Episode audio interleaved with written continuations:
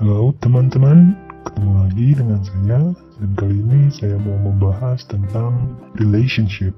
Menurut kalian, relationship yang sehat itu seperti apa?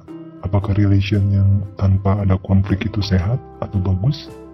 Gimana menurut kalian? Selain meminta pendapat kalian, saya juga mau sharing pendapat saya pribadi tentang hubungan yang sehat. Jadi gini, kebanyakan orang beranggapan kalau misalnya hubungan yang sehat itu adalah hubungan yang enggak ada konflik sama sekali. Dan hubungan yang toksik adalah hubungan yang saling menyakiti dan tidak memberi kebebasan antar pasangan. Itu adalah toxic relationship yang saling melukai, menyakiti, dan juga mengekang. Tapi yang jadi pertanyaan adalah kalau toxic relationship, kita mungkin satu paham. Mungkin di, di antara kita ada yang setuju mungkin dengan uh, toxic relationship, tapi kebanyakan dari kita mungkin satu pemahaman bahwa toxic relationship itu nggak akan langgeng, nggak akan baik untuk berjalan. Tapi yang jadi pertanyaan, kalau misalnya hubungannya harmonis terus, gak ada konflik, itu gimana? Apakah itu baik? Kalau saya sendiri, saya pribadi merasa kalau konflik itu justru diperlukan dan hubungan yang paling harmonis ya, yang paling harmonis adalah hubungan yang ada konflik supaya hubungan itu langgeng. Karena gini, kalau hubungan itu selalu harmonis, maka hubungannya akan terasa membosankan. Jadinya terlalu datar. Iya nggak sih? Oke gini-gini deh, kita breakdown jadi beberapa poin. Beberapa alasan yang menurut saya itu sesuai banget. Kenapa saya bilang kalau hubungan yang sehat itu perlu ada konflik. Yang pertama itu berkenaan dengan rasa bosan. Kalau misalnya hubungannya itu adem terus itu, pasangan ini kedua pasangan ini akan gampang bosen. Gitu. Karena hubungan yang cenderung datar dan nggak ada masalah biasanya akan bikin kita gampang bosen dan nggak ada tantangan gitu yang berarti yang bikin kita berusaha mempertahankan hubungan tersebut jadi kita kayak menyepelekan hubungan inilah lempeng-lempeng aja. Nah di sini nih kalau udah kayak gini kita udah terlampau bosan. Khususnya laki-laki kalau udah bosan gampang banget untuk pindah ke lain wanita gitu. Bukan ke lain hati tapi ke lain wanita gitu. Karena kadang khusus, khususnya cowok mereka tuh butuh challenge butuh tantangan. Jadi supaya hubungan itu tuh langgeng gitu.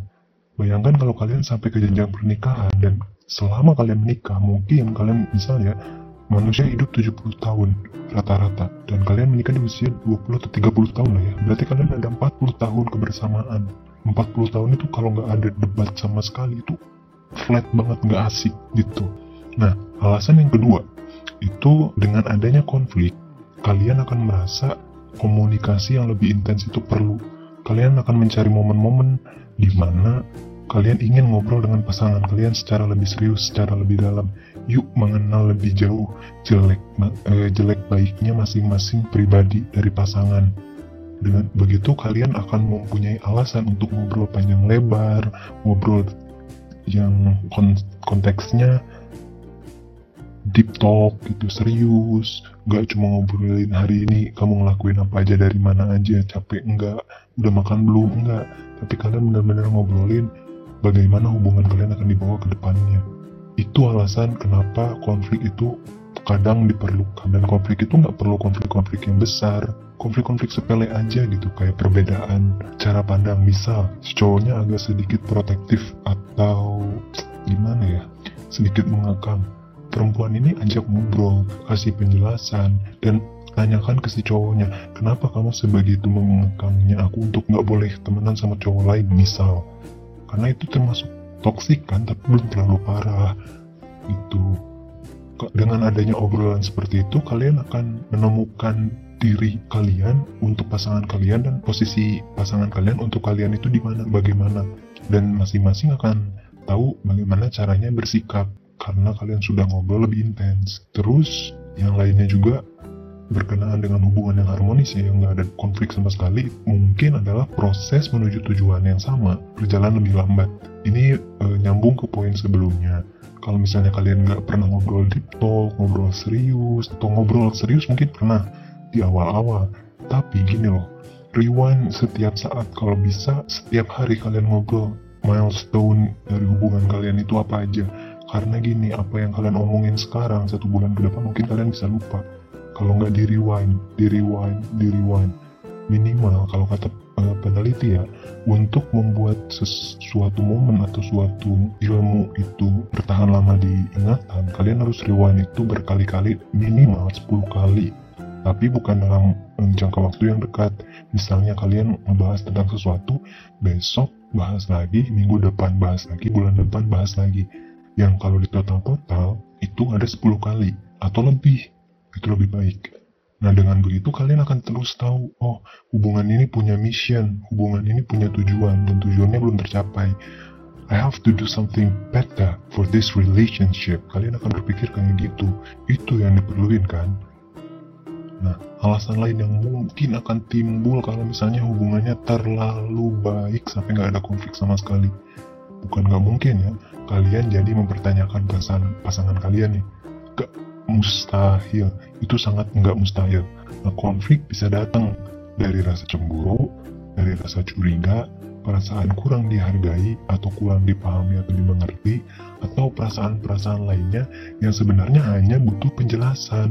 Tapi karena ya kalian terlalu tidak cemburuan, tidak curiga, kalian merasa selalu dihargai, selalu merasa dimengerti, jadi kalian merasa nggak nggak perlu ada yang dikonflikin. Nah jadi gini, ketika kalian jarang konflik, kalian akan merasa kalau pasangan kalian terlalu cuek kan, gak mau ambil pusing, atau mungkin kalian juga merasa pasangan kalian udah nggak peduli.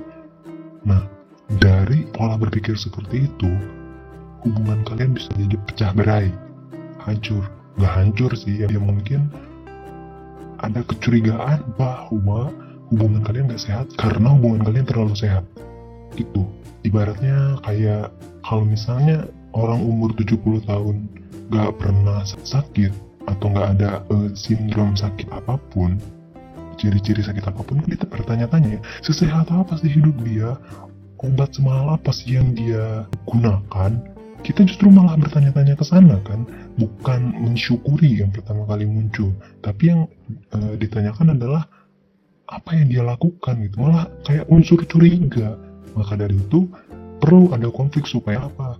Intinya sih balik lagi supaya ada deep conversation between those couple. Nah terakhir ya terakhir terakhir. Poin yang terakhir mungkin konflik adalah tanda bahwa kalian sedang berusaha menyamakan frekuensi. Nah dalam hubungan frekuensi inilah yang paling penting. Gini loh, adanya konflik dalam hubungan justru jadi tanda bahwa kalian sedang menyamakan frekuensi. Kalau kalian berusaha untuk menyatukan dua pemikiran, dua karakter, dan dua ego yang berbeda pastinya ya, agar bisa menjadi lebih sinkron dan harmonis, proses ini akan menghilangkan konflik di kemudian hari. Jadi konflik kecil yang terjadi itu bisa jadi alasan supaya konflik-konflik besar yang mungkin terjadi di masa depan itu nggak terjadi. Kayak gitu. Sering-sering ngobrol. Ngobrol yang kayak gimana? Nggak perlu obrolan-obrolan yang terlalu dalam deh. Kayak mungkin kalau misalnya pasangan kalian gak terlalu suka obrolan, kalianlah yang menjadi inisiatornya. Coba sekali waktu ketika kalian lagi hangout atau lagi santai-santai bareng, tanyakan pertanyaan yang sesederhana kayak, kalau misalnya nanti aku sakit gimana ya? Gitu loh. Curhatan-curhatan yang hanya kemungkinan kayak gitu bisa jadi konflik tapi bisa juga mempererat hubungan kalian. Atau pertanyaan kayak gini deh yang agak-agak nyeleneh. Kalau aku bosan sama kamu gimana ya? Nah coba deh tanya itu ke pasangan kalian. Yang penting tetap utamakan komunikasi demi mengatasi masalah dan konflik yang ada. Itu jangan berharap hubungan kalian itu adem-adem aja tanpa ada konflik sedikit pun. Tapi juga jangan kalian mencari-cari masalah untuk membuat konflik. Maksud saya adalah ketika kalian udah ada konflik dalam hubungan kalian, usahakan untuk mengutamakan komunikasi ketimbang emosi. Gitu loh. Kecuali memang kalian ngegepin pasangan kalian selingkuh misalnya dan selingkuh pun kan kalian nggak bisa langsung judge kalau itu selingkuh. Gimana kalau emang dia teman lama yang kebetulan ketemu dan ajak hangout ya kan? Klarifikasi dulu itu yang paling penting. Tapi klarifikasinya bukan melalui sosmed. Ajak dia deep conversation di tempat makan atau di rumah siapa kayak gitu. Jadi hubungan kalian tetap langgeng. Oke oke oke. Terakhir kesimpulannya adalah hubungan yang baik adalah hubungan yang ada konflik di dalamnya, tapi konflik itu bisa diselesaikan dengan kepala dingin dengan cara komunikasi, bukan dengan meninggikan emosi dan tidak saling membenarkan diri masing-masing.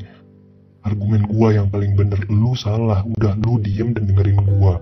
Keputusan dari obrolan ini harus ada di gua, bukan kayak gitu. Kalau kayak gitu caranya nggak akan jalan tuh hubungan. Terlalu egois. Jangan mengedepankan ego untuk mempertahankan hubungan. Itu sih saran dari gua. Asik, keren gak?